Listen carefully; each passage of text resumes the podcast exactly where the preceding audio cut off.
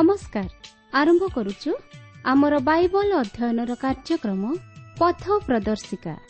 ପବିତ୍ର ବାଇବଲ କହେ ଯଦି ଆମ୍ଭେମାନେ ଆପଣା ଆପଣା ପାପ ସ୍ୱୀକାର କରୁ ତେବେ ସେ ଆମ୍ଭମାନଙ୍କର ପାପ କ୍ଷମା କରିବାକୁ ଓ ସମସ୍ତ ଅଧର୍ମରୁ ଆମ୍ଭମାନଙ୍କୁ ପରିଷ୍କାର କରିବାକୁ ବିଶ୍ୱସ୍ତ ଓ ନ୍ୟାୟବାନ ଅଟନ୍ତି।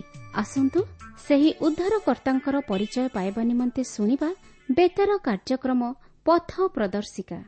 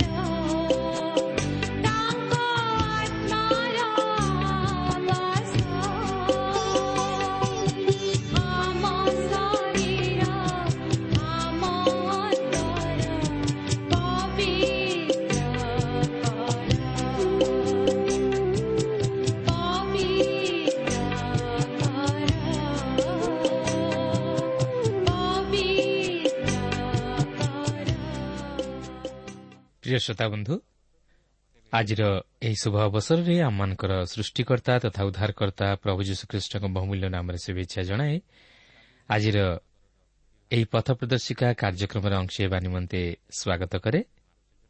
ପ୍ରଭୁ ଯୀଶୁଙ୍କ ବିଷୟରେ ଅଧିକ ଜାଣିବାର ଆଗ୍ରହକୁ ଦେଖି ମଧ୍ୟ ଆମେ ବିଶେଷ ଖୁସି। ପ୍ରକୃତରେ ଆପଣଙ୍କର ହୃଦୟସ୍ପର୍ଶୀ ସାକ୍ଷ୍ୟ ନିମନ୍ତେ ମଧ୍ୟ ବିଶେଷ ଧନ୍ୟବାଦ। ପ୍ରଭୁ ନିଶ୍ଚିତ ଭାବରେ ଆପଣଙ୍କର ମନସ୍କାମନା ପୂର୍ଣ୍ଣ କରିବେ।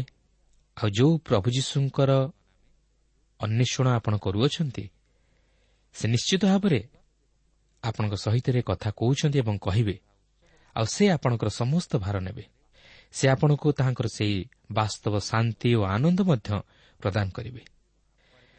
କିନ୍ତୁ ଆମର ଅନୁରୋଧ ଆପଣ ଏହି କାର୍ଯ୍ୟକ୍ରମ ନିୟମିତ ଶୁଣିବା ସଙ୍ଗେ ସଙ୍ଗେ ଆମ ସହିତ ପତ୍ର ମାଧ୍ୟମରେ ଥରକୁ ଥର ଯୋଗାଯୋଗ ରକ୍ଷା କରନ୍ତୁ ଓ ଅନ୍ୟମାନଙ୍କୁ ମଧ୍ୟ ଉତ୍ସାହିତ କରନ୍ତୁ ଯେପରି ସେମାନେ ମଧ୍ୟ ଆମ ସହିତ ପତ୍ର ମାଧ୍ୟମରେ ଯୋଗାଯୋଗ କରି ସେମାନଙ୍କର ମତାମତ ଲେଖି ଜଣାଇବେ। ଆସନ୍ତୁ ପ୍ରଭୁଙ୍କର ବାକ୍ୟ ମଧ୍ୟକୁ ଯିବା ପୂର୍ବରୁ ସଂକ୍ଷେପରେ ପ୍ରାର୍ଥନା କରିବା। ପବିତ୍ର ପ୍ରଭୁ ତୁମର ପବିତ୍ର ନାମର ଧନ୍ୟବାଦ କରୁଅଛୁ। ଏହି ସୁନ୍ଦର ସମୟ ପାଇଁ ସୁନ୍ଦର ସୁଯୋଗ ପାଇଁ ତୁମର ଜୀବନ୍ତ ବାକ୍ୟ ପାଇଁ।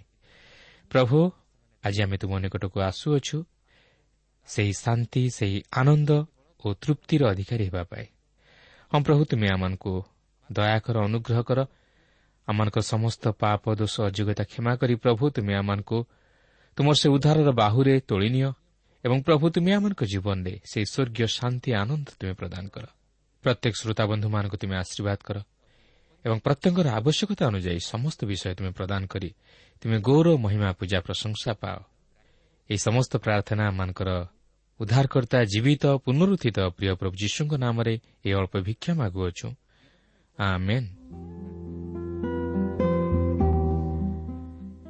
ଆସନ୍ତୁ ତାହେଲେ ବର୍ତ୍ତମାନ ଆମେ ପ୍ରଭୁଙ୍କର ବାକ୍ୟ ମଧ୍ୟକୁ ଯିବା।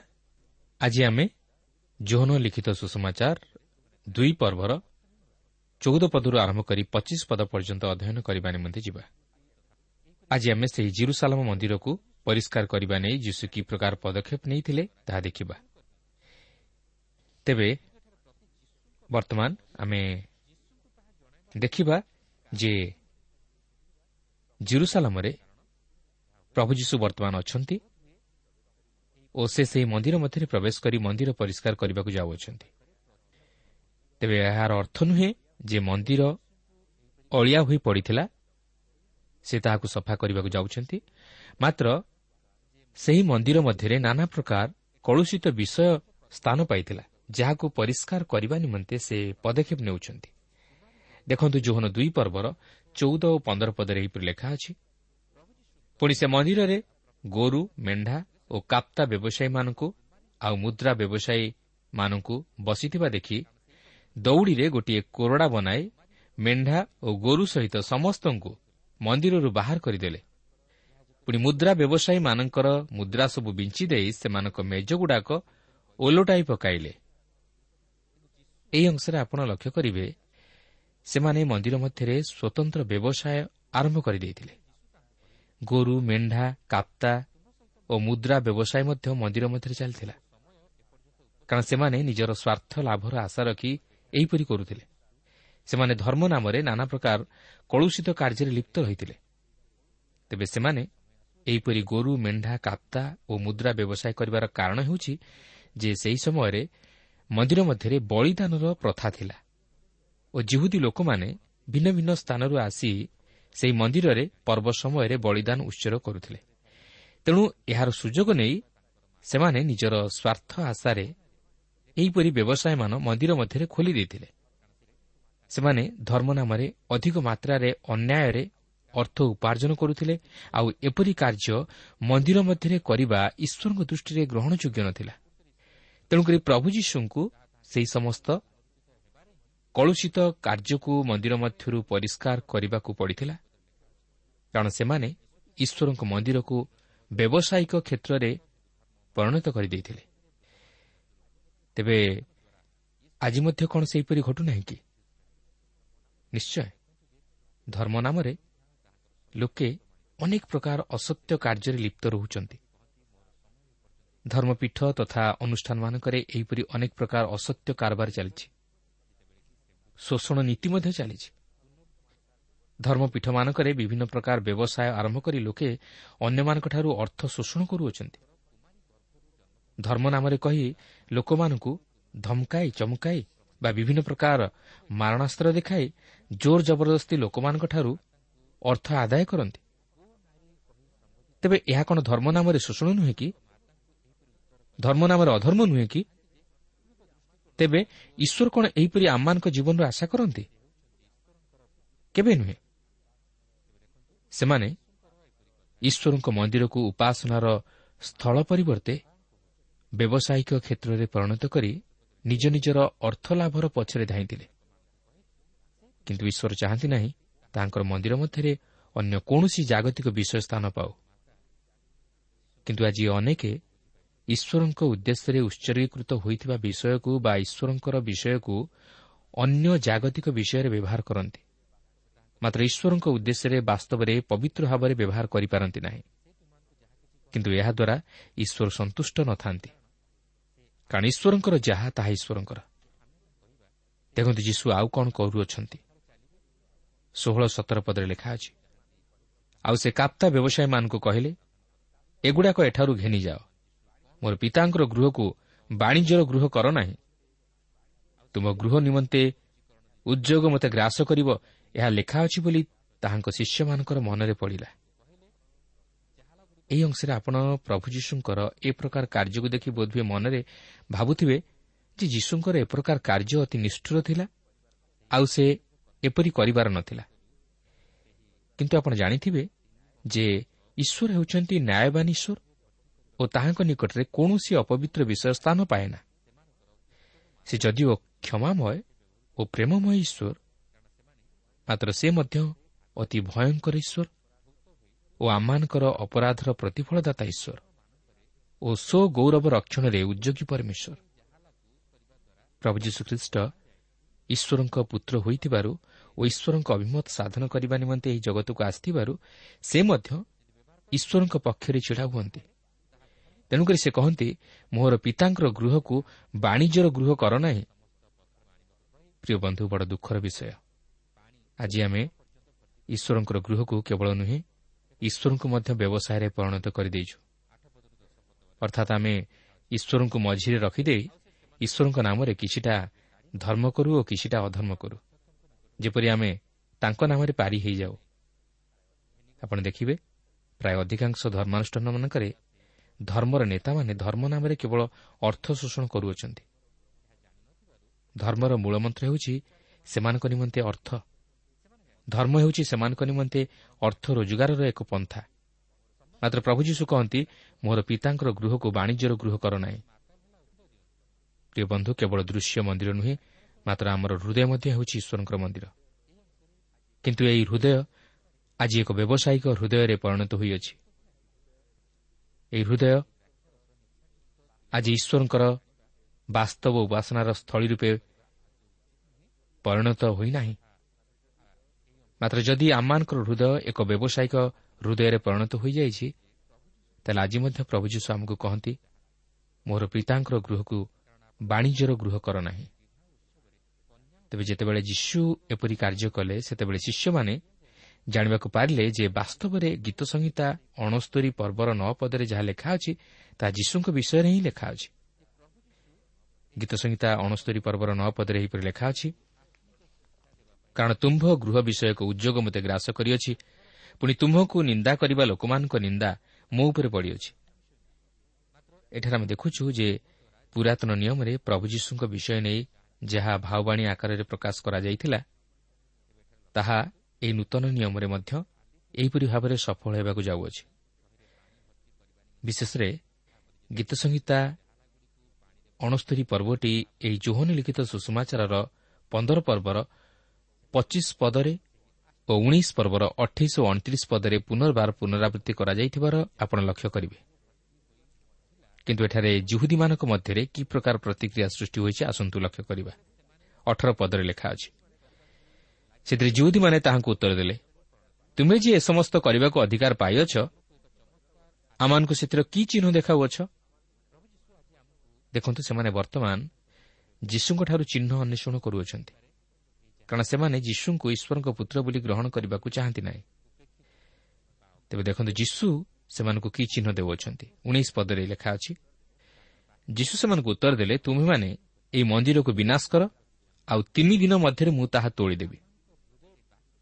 ଏହି ଅଂଶରେ ଆପଣ ଏକ ଗୁରୁତ୍ୱପୂର୍ଣ୍ଣ ବିଷୟ ଲକ୍ଷ୍ୟ କରିବେ।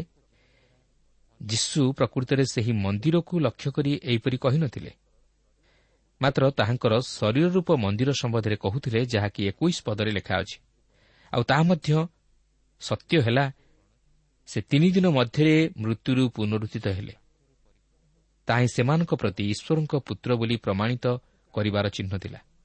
କାରଣ ତାହାଙ୍କର ମୃତ୍ୟୁରୁ ପୁନରୁତ୍ଥାନ ତାହାଙ୍କର ଈଶ୍ୱରଙ୍କ ପୁତ୍ରତ୍ୱର ପରିଚୟ ଦିଏ। ତେବେ ଦେଖନ୍ତୁ ଯୀଶୁଙ୍କର ଏପରି ଉତ୍ତରରେ ଜିହୁଦୀମାନେ ତାହାଙ୍କୁ କ'ଣ କହୁଅଛନ୍ତି। କୋଡ଼ିଏ ଓ ଏକୋଇଶ ପଦରେ ଲେଖା ଅଛି। ସେଥିରେ ଜିହୁଦୀମାନେ କହିଲେ ଏହି ମନ୍ଦିର ନିର୍ମାଣ କରିବା ନିମନ୍ତେ ଛୟାଳିଶ ବର୍ଷ ଲାଗିଅଛି। ଆଉ ତୁମ୍ଭେ କ'ଣ ତାହାକୁ ତିନି ଦିନରେ ତୋଳିଦେବ? କିନ୍ତୁ ସେ ଆପଣା ଶରୀର ରୂପ ମନ୍ଦିର ସମ୍ବନ୍ଧରେ କହୁଥିଲେ।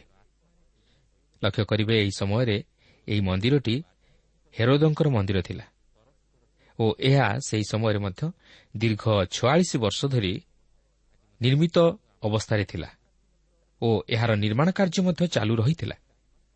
କିନ୍ତୁ ସେ ଯାଉନା କାହିଁକି ଯୀଶୁ ସେହି ମନ୍ଦିରକୁ ଲକ୍ଷ୍ୟ କରି ତିନି ଦିନରେ ତୋଳିଦେବି ବୋଲି କହିନଥିଲେ ମାତ୍ର ତାହାଙ୍କର ଶରୀର ରୂପ ମନ୍ଦିର ସମ୍ବନ୍ଧରେ କହିଥିଲେ। କାରଣ ଆମ୍ଭମାନଙ୍କର ଶରୀର ହେଉଛି ଈଶ୍ୱରଙ୍କର ମନ୍ଦିର ଯାହାକି ପ୍ରେରିତ ପାଉଲ ପ୍ରଥମ କରନ୍ତି ଛଅ ପର୍ବର ଉଣେଇଶ ପଦରେ ପ୍ରକାଶ କରନ୍ତି। ଅବା ତୁମାନଙ୍କ ଶରୀର ଯେ ଈଶ୍ୱରଙ୍କଠାରୁ ପ୍ରାପ୍ତ ତୁମାନଙ୍କର ଅନ୍ତର୍ବାସୀ ପବିତ୍ର ଆତ୍ମାଙ୍କ ମନ୍ଦିର ଏହା କ'ଣ ଜାଣ ନାହିଁ? ତେଣୁ ଯୀଶୁ ଯେତେବେଳେ କହନ୍ତି ଯେ ତୁମେମାନେ ଏହି ମନ୍ଦିରକୁ ବିନାଶ କର ଆଉ ମୁଁ ତାହା ତିନି ଦିନରେ ତୋଳିଦେବି ସେତେବେଳେ ସେ ତାଙ୍କର ଶରୀର ରୂପ ମନ୍ଦିରକୁ ଲକ୍ଷ୍ୟ କରି କହନ୍ତି। ସେଠାରେ ତାଙ୍କର ପୁନରୁତ୍ଥାନର ବିଷୟକୁ ପ୍ରକାଶ କରନ୍ତି। ସେ ଯେ ତିନି ଦିନ ମଧ୍ୟରେ ମୃତ୍ୟୁରୁ ପୁନରୁଦ୍ଧିତ ହେବାକୁ ଯାଉଅଛନ୍ତି ତାହା ସେ ପ୍ରକାଶ କରନ୍ତି। କିନ୍ତୁ ସେହି ଜୁହୁଦୀମାନେ କିମ୍ବା ଶିଷ୍ୟମାନେ ମଧ୍ୟ ଏହି କଥାର ଭାବ ବୁଝିପାରିଲେ ନାହିଁ। ଏଠାରେ ପ୍ରଭୁ ଯୀଶୁ ସେହି ଜୁହୁଦୀମାନଙ୍କୁ ଜଣାଇଦେବାକୁ ଚାହାନ୍ତି ଯେ ସେ ନିଜେ ସେହି ମନ୍ଦିରଠୁ ମହାନ ଓ ସେ ଯେ ଈଶ୍ୱରଙ୍କ ପୁତ୍ର ତାହା ତାହାଙ୍କର ପୁନରୁତ୍ଥାନ ହିଁ ତହିଁର ପ୍ରମାଣ ଦେବ।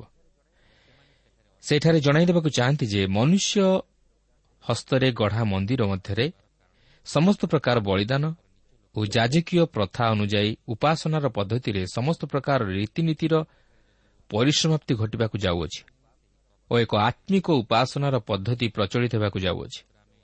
କାରଣ ଲୋକମାନେ ସତ୍ୟ ଓ ଆତ୍ମାରେ ଉପାସନା କରିବା ପାଇଁ ଯାଉଅଛନ୍ତି। ସେଥିପାଇଁ ଯୀଶୁ ସେହି ସମୀରଣିଆ ସ୍ତ୍ରୀକୁ କହନ୍ତି ଯାହାକି ଜୋହନ ଚାରିପର୍ବରେ ଏକୋଇଶ ପଦରେ ଲେଖା ଅଛି ଯୀଶୁ ତାହାକୁ କହିଲେ ଆଗୋ ନାରୀ ମୋ କଥା ବିଶ୍ୱାସ କର। ଯେଉଁ ସମୟରେ ତୁମେମାନେ ଏହି ପର୍ବତରେ କିମ୍ବା ଜିରୁସାଲାମରେ ପିତାଙ୍କର ଉପାସନା କରିବ ନାହିଁ ଏପରି ସମୟ ଆସୁଅଛି।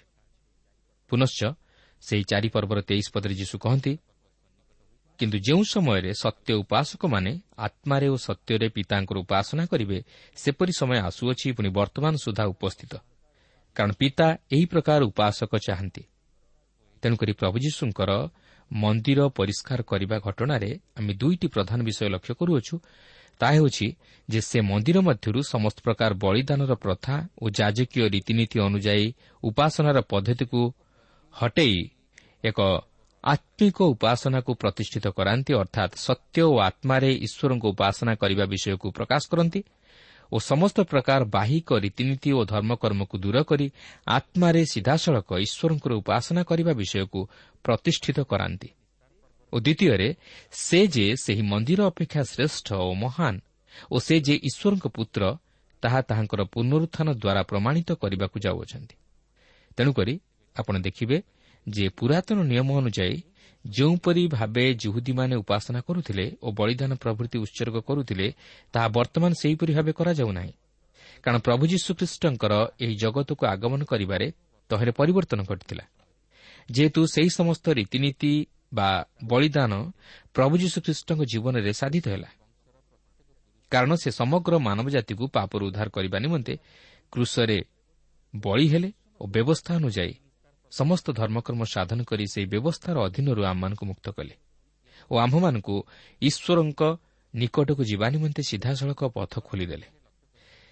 ତେଣୁକରି ସେହି ଈଶ୍ୱରଙ୍କ ନିକଟବର୍ତ୍ତୀ ହେବାକୁ ହେଲେ ବା ତାହାଙ୍କର ଉପାସନା କରିବାକୁ ହେଲେ ଆଉ କୌଣସି ବଳିଦାନର ଆବଶ୍ୟକ ନାହିଁ କି କୌଣସି ଯାଜକ ନିକଟକୁ ଯିବାକୁ ହେବ ନାହିଁ। କାରଣ ପ୍ରଭୁ ଯୀଶୁଖ୍ରୀଷ୍ଟ ସେହି ମେଷ ବଳିଦାନ ସ୍ୱରୂପେ ପ୍ରାୟଶ୍ଚିତ ବଳି ସ୍ୱରୂପ ହେଲେ ଓ ସେ ଆମମାନଙ୍କର ସେହି ପ୍ରଧାନ ମହାଯାଜକ ଯାହାଙ୍କ ଦ୍ୱାରା ଆମେ ପିତା ଈଶ୍ୱରଙ୍କ ନିକଟକୁ ଯିବା ପାଇଁ ସିଧାସଳଖ ପଥ ପାଇଅଛୁ। ତେଣୁକରି ପ୍ରଭୁ ଯୀଶୁ କହନ୍ତି ଈଶ୍ୱର ଆତ୍ମା ପୁଣି ଯେଉଁମାନେ ତାହାଙ୍କର ଉପାସନା କରନ୍ତି ଆତ୍ମାରେ ଓ ସତ୍ୟରେ ଉପାସନା କରିବା ସେମାନଙ୍କର ଉଚିତ। ତେଣୁକରି ଆଜି ଈଶ୍ୱରଙ୍କର ଉପାସନା କରିବାକୁ ହେଲେ କୌଣସି ବଳିଦାନର ପ୍ରୟୋଜନ ନାହିଁ। ମାତ୍ର ନିଜର ଜୀବନକୁ ତଥା ଶରୀରକୁ ଈଶ୍ୱରଙ୍କ ଉଦ୍ଦେଶ୍ୟରେ ସମ୍ପୂର୍ଣ୍ଣ ପବିତ୍ରତାର ସହିତ ଉତ୍ସର୍ଗ କରି ତାହାଙ୍କର ଉପାସନା କରିବା ଆବଶ୍ୟକ। ତେଣୁକରି ପ୍ରେରିତ ପାଉଲ ରୋମିଓ ବାର ପର୍ବର ପ୍ରଥମ ପଦରେ ଏହିପରି ଉଲ୍ଲେଖ କରନ୍ତି ଅତଏବ ହେ ଭାଇମାନେ ମୁଁ ତୁମମାନଙ୍କୁ ଈଶ୍ୱରଙ୍କ ଦୟା ହେତୁ ବିନତି କରୁଅଛି। ତୁମେମାନେ ଆପଣା ଆପଣା ଶରୀରକୁ ସଜୀବ ପବିତ୍ର ଓ ଈଶ୍ୱରଙ୍କ ସୁଗ୍ରାହେ ବଳି ରୂପେ ଉତ୍ସର୍ଗ କର। ଏହା ତ ତୁମମାନଙ୍କର ଯୁକ୍ତିଯୁକ୍ତ ଉପାସନା। ପ୍ରିୟ ବନ୍ଧୁ ଆଜି ଯଦି ଆପଣ ସତ୍ୟ ତଥା ଜୀବନ୍ତ ଈଶ୍ୱରଙ୍କର ନିକଟବର୍ତ୍ତୀ ହୋଇ ତାହାଙ୍କର ଉପାସନା କରିବାକୁ ଚାହାନ୍ତି ଓ ତାହାଙ୍କର ସାନ୍ନିଧ୍ୟ ଲାଭ କରିବାକୁ ଚାହାନ୍ତି ତାହେଲେ ପ୍ରଭୁ ଯୀଶୁଖ୍ରୀଷ୍ଟଙ୍କଠାରେ ବିଶ୍ୱାସ କରି ଓ ତାହାଙ୍କର ସେହି ପବିତ୍ର ରକ୍ତ ଦ୍ୱାରା ଧୌତ ଓ ପବିତ୍ରକୃତ ହୋଇ ନିଜର ଶରୀରକୁ ସଜୀବ ପବିତ୍ର ଓ ଈଶ୍ୱରଙ୍କ ସୁଗ୍ରାହ୍ୟ ବଳି ରୂପେ ଈଶ୍ୱରଙ୍କ ଉଦ୍ଦେଶ୍ୟରେ ଉତ୍ସର୍ଗ କରନ୍ତୁ ତାହେଲେ ଆପଣ ବାସ୍ତବରେ ଈଶ୍ୱରଙ୍କୁ ଗୌରବ ଦେଇପାରିବେ ଓ ଈଶ୍ୱରଙ୍କ ସହିତ ବାସ୍ତବ ସହଭାଗିତା ଲାଭ କରିପାରିବେ ଓ ଆପଣଙ୍କର ଉପାସନା ଈଶ୍ୱରଙ୍କ ନିକଟରେ ଗ୍ରହଣଯୋଗ୍ୟ ହୋଇପାରିବ। ଏହାପରେ ଦୁଇ ପର୍ବର ବାଇଶ ପଦରେ ଦେଖନ୍ତୁ ଏହିପରି ଲେଖା ଅଛି ଏଣୁ ସେ ମୃତମାନଙ୍କ ମଧ୍ୟରୁ ଉତ୍ଥିତ ହେଲା ଉତ୍ତାରେ ତାଙ୍କ ଶିଷ୍ୟମାନେ ସେ ଏହା କହିଥିଲେ ବୋଲି ସ୍ମରଣ କଲେ। ପୁଣି ସେମାନେ ଧର୍ମଶାସ୍ତ୍ର ଓ ଯୀଶୁଙ୍କ କଥିତ ବାକ୍ୟ ବିଶ୍ୱାସ କଲେ। ଦେଖନ୍ତୁ ଶିଷ୍ୟମାନେ ମଧ୍ୟ ତାହାଙ୍କର ମୃତ୍ୟୁରୁ ପୁନରୁତ୍ଥାନ ନ ହେବା ପର୍ଯ୍ୟନ୍ତ ତାହାଙ୍କ କଥାର ଭାବ ବୁଝିପାରି ନ ଥିଲେ ମାତ୍ର ତାହାଙ୍କର ମୃତ୍ୟୁରୁ ପୁନରୁତ୍ଥାନ ପରେ ଧର୍ମଶାସ୍ତ୍ର ଓ ତାହାଙ୍କ କଥିତ ସମସ୍ତ ବାକ୍ୟ ବିଶ୍ୱାସ କଲେ। ତେଣୁ ଏଥିରୁ ଜଣାଯାଏ ଯେ ତାହାଙ୍କର ପୁନରୁତ୍ଥାନ କେବଳ ସେ ଯେ ଈଶ୍ୱରଙ୍କର ପୁତ୍ର ତହିଁର ପ୍ରମାଣ ଦିଏ ନାହିଁ ତହିଁ ସହିତ ଧର୍ମଶାସ୍ତ୍ରରେ ତାହାଙ୍କ ବିଷୟରେ କଥିତ ସମସ୍ତ ବାକ୍ୟ ଓ ତାହାଙ୍କ ବାକ୍ୟର ସତ୍ୟତାକୁ ପ୍ରମାଣିତ କରେ। ତେଣୁ ତାହାଙ୍କର ପୁନରୁତ୍ଥାନ ତାହାଙ୍କର ସୁଷମାଚାରର ସତ୍ୟତାକୁ ପ୍ରମାଣିତ କରେ। ପ୍ରିୟ ବନ୍ଧୁ ଆପଣ କହିପାରିବେ ଆଉ କେହି ସେପରି ମୃତ୍ୟୁକୁ ଜୟ କରି ମୃତ୍ୟୁରୁ ପୁନର୍ବାର ଉଠିଅଛନ୍ତି କି? କେହି ନୁହନ୍ତି। କେବଳ ପ୍ରଭୁ ଯୀଶୁଖ୍ରୀଷ୍ଟ ମୃତ୍ୟୁରୁ ପୁନର୍ଜୀବିତ ହୋଇ ମୃତ୍ୟୁ ଉପରେ ବିଜୟୀ ହୋଇଅଛନ୍ତି। ତେଣୁକରି ଆଜି ସେ ମଧ୍ୟ ଜୀବିତ। ଓ ସେ ଆଜି ମଧ୍ୟ ଆମମାନଙ୍କୁ ପାପରୁ ଉଦ୍ଧାର କରିବା ପାଇଁ ପ୍ରସ୍ତୁତ। କିନ୍ତୁ ଆମେ କ'ଣ ତାହାଙ୍କଠାରେ ବିଶ୍ୱାସ କରୁଛୁ କି? ଆସନ୍ତୁ ଏହାପରେ ତେଇଶରୁ ପଚିଶ ପଦ ମଧ୍ୟରେ ଆମେ ବିଶ୍ୱାସ ସମ୍ପର୍କରେ ଏକ ବିଷୟ ଅଧ୍ୟୟନ କରିବା ପାଇଁ ଯିବା। ଦେଖନ୍ତୁ ଏଠାରେ ଏହିପରି ଲେଖା ଅଛି। ନିସ୍ତାର ପର୍ବର ଉତ୍ସବ ସମୟରେ ସେ ଜିରୁସାଲାମରେ ଥିବାବେଳେ ଅନେକ ତାହାଙ୍କ ସାଧିତ ଆଶ୍ଚର୍ଯ୍ୟ କର୍ମଗୁଡ଼ିକ ଦେଖି ତାହାଙ୍କ ନାମରେ ବିଶ୍ୱାସ କଲେ। କିନ୍ତୁ ଯୀଶୁ ସେମାନଙ୍କୁ ବିଶ୍ୱାସ ନ କରି ସେମାନଙ୍କଠାରୁ ଆପଣାକୁ ପୃଥକ ରଖିଲେ। କାରଣ ସେ ସମସ୍ତଙ୍କୁ ଜାଣୁଥିଲେ ପୁଣି କେହି ଯେ ମନୁଷ୍ୟ ବିଷୟରେ ସାକ୍ଷ୍ୟ ଦେବ ଏହା ତାହାଙ୍କର ପ୍ରୟୋଜନ ନଥିଲା। ଯେଣୁ ମନୁଷ୍ୟ ଅନ୍ତରରେ କ'ଣ ଅଛି ତାହା ସେ ଆପେ ଜାଣୁଥିଲେ। ଏଠାରେ ଆପଣ ଲକ୍ଷ୍ୟ କରିବେ ପ୍ରଭୁ ଯୀଶୁଙ୍କଠାରେ ଯଦିଓ ସେମାନେ ବିଶ୍ୱାସ କରୁଥିଲେ ମାତ୍ର ସେମାନେ ପ୍ରକୃତରେ ହୃଦୟର ସହିତ ବିଶ୍ୱାସ କରୁନଥିଲେ। ସେମାନେ କେବଳ ତାହାଙ୍କର ଆଶ୍ଚର୍ଯ୍ୟ କର୍ମଗୁଡ଼ିକୁ ଦେଖି ତାହାଙ୍କ ନାମରେ ବିଶ୍ୱାସ କରୁଥିଲେ। ମାତ୍ର ପ୍ରକୃତରେ ସେମାନେ ତାହାଙ୍କୁ ଉଦ୍ଧାରକର୍ତ୍ତା ରୂପେ ବିଶ୍ୱାସ କରୁନଥିଲେ। ତାହା ହିଁ ଆଜି ମଧ୍ୟ ଅନେକଙ୍କ ଜୀବନରେ ଘଟୁଅଛି ଅନେକ ଆଜି ପ୍ରଭୁ ଯୀଶୁଙ୍କର ସୁଷମାଚାରରେ ବିଶ୍ୱାସ କରନ୍ତି। ଅନେକ ତାହାଙ୍କର ବାଣୀକୁ ପସନ୍ଦ କରନ୍ତି। ମାତ୍ର ତାହାଙ୍କୁ ଉଦ୍ଧାରକର୍ତ୍ତା ରୂପେ ବିଶ୍ୱାସ କରି ହୃଦୟରେ ଗ୍ରହଣ କରନ୍ତି ନାହିଁ କି ସେ ଯେ ମୋର ପାପ ନିମନ୍ତେ ମୃତ୍ୟୁଭୋଗ କରି ମୋର ପାପ ନିମନ୍ତେ ଉଦ୍ଧାର ସାଧନ କରିଅଛନ୍ତି ତାହା ବିଶ୍ୱାସ କରନ୍ତି ନାହିଁ। କି ସେ ଯେ ମୃତ୍ୟୁରୁ ପୁନରୁଦ୍ଧିତ ହୋଇଅଛନ୍ତି ତାହା ମଧ୍ୟ ବିଶ୍ୱାସ କରନ୍ତି ନାହିଁ।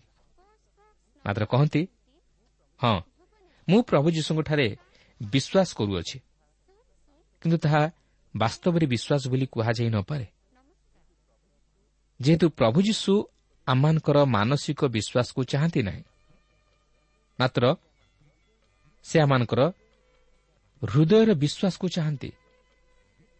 ସେ ଦୃଶ୍ୟ ବିଶ୍ୱାସକୁ ଚାହାନ୍ତି ନାହିଁ ମାତ୍ର ଅନ୍ତରର ବିଶ୍ୱାସକୁ ଚାହାନ୍ତି। ଯଦି ଆମେ ଆମର ମାନସିକ ବିଶ୍ୱାସକୁ ଓ ଦୃଶ୍ୟ ବିଶ୍ୱାସକୁ ଅନ୍ତର ମଧ୍ୟରେ ଗ୍ରହଣ କରି ଅନ୍ତରର ସହିତ ତାହାଙ୍କଠାରେ ବିଶ୍ୱାସ ସ୍ଥାପନ କରୁ ତାହେଲେ ତାହା ହେବ ବାସ୍ତବ ବିଶ୍ୱାସ। ତେଣୁ ଆସୁ ପ୍ରଭୁ ଯୀଶୁଙ୍କର ବିଷୟରେ ଜାଣିବା ସଙ୍ଗେ ସଙ୍ଗେ। ତାହାଙ୍କୁ ବ୍ୟକ୍ତିଗତ ଭାବେ ଜାଣିବା ପାଇଁ ଆଉ ଉଦ୍ଧାରକର୍ତ୍ତା ରୂପେ ହୃଦୟରେ ଗ୍ରହଣ କରି ଓ ତାହାଙ୍କଠାରେ ବିଶ୍ୱାସ କରି ତାହାଙ୍କର ସନ୍ତୋଷଭାଜନ ହେବା ନିମନ୍ତେ ଚେଷ୍ଟା କରୁ। ଓ ପାପରୁ ଉଦ୍ଧାର ପାଇ ସତ୍ୟ ଈଶ୍ୱରଙ୍କର ସହଭାଗିତା ଲାଭ କରୁ। ପ୍ରିୟ ବନ୍ଧୁ ଏହି ଜଗତରେ କେହି ନାହିଁ ଯିଏକି ଆମମାନଙ୍କର ପାପ ନିମନ୍ତେ ପ୍ରାୟଶ୍ଚିତ ସାଧନ କରିଅଛନ୍ତି। ଏହି ଜଗତରେ କେହି ନାହିଁ ଯିଏକି ମୃତ୍ୟୁକୁ ଜୟ କରି ଉଠିଅଛନ୍ତି। କେବଳ ମାତ୍ର ପ୍ରଭୁ ଯୀଶୁଖ୍ରୀଷ୍ଟ ଯିଏକି ପାପିର ଉଦ୍ଧାର ନିମନ୍ତେ ପ୍ରାୟଶ୍ଚିତ ବଳି ସ୍ୱରୂପ ହୋଇଅଛନ୍ତି ଆଉ ସେ ମୃତ୍ୟୁକୁ ଜୟ କରି ଉଠି ଆଜି ମଧ୍ୟ ଜୀବିତ ଓ ପିତା ଈଶ୍ୱରଙ୍କର ଦକ୍ଷିଣ ପାର୍ଶ୍ୱରୁ ପ୍ରବେଶନ କରି ଆମମାନଙ୍କ ନିମନ୍ତେ ନିତ୍ୟ ନିବେଦନ କରନ୍ତି। ଆଉ ସେ ଅପେକ୍ଷା କରିଅଛନ୍ତି ଆମମାନଙ୍କର ଫେରନ୍ତା ପଥକୁ ଫେରିଆସୁ ପ୍ରଭୁଙ୍କ ନିକଟକୁ। ତାହେଲେ ଆମମାନେ ଉଦ୍ଧାର ପ୍ରାପ୍ତ ହେବା। ପ୍ରଭୁ ପ୍ରତ୍ୟେକଙ୍କୁ ଆଶୀର୍ବାଦ କରନ୍ତୁ।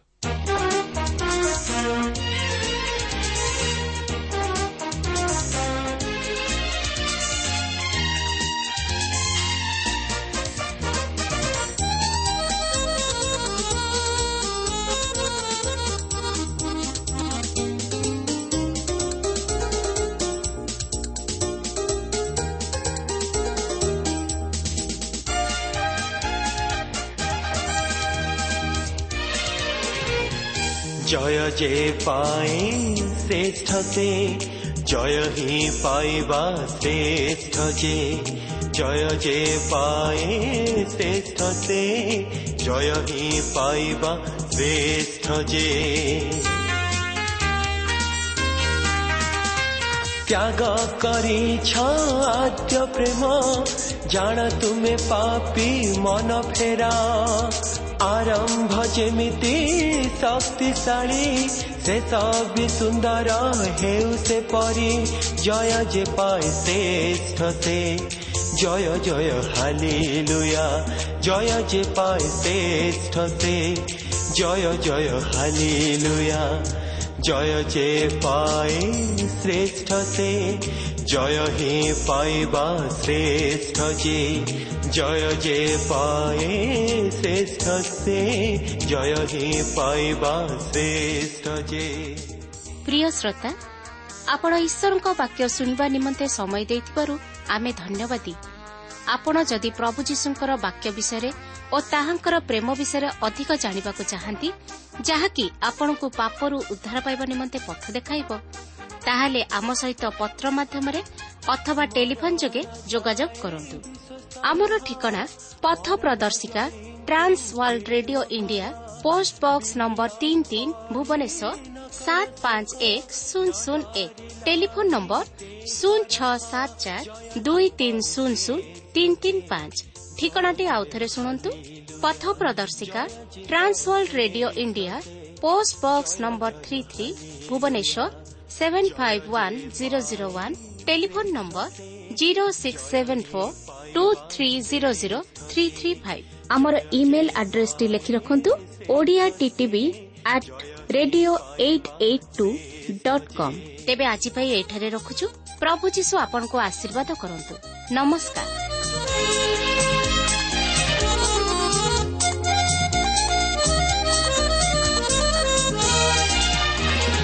जिजबल परेन सहुना रोगो सचारे पडना যিশুঙ্কর রক্তে সুচি হুয়া তেবে যাই পাইব মহানন্দ জয় যে পায় শ্রেষ্ঠ সে জয় জয় হালেলুয়া জয় যে পায় শ্রেষ্ঠ সে জয় জয় হালেলুয়া। জয় যে পায়ে শ্রেষ্ঠ সে, জয় হি পাইবা শ্রেষ্ঠ যে। জয় যে পায়ে শ্রেষ্ঠ সে, জয় হি পাইবা শ্রেষ্ঠ যে।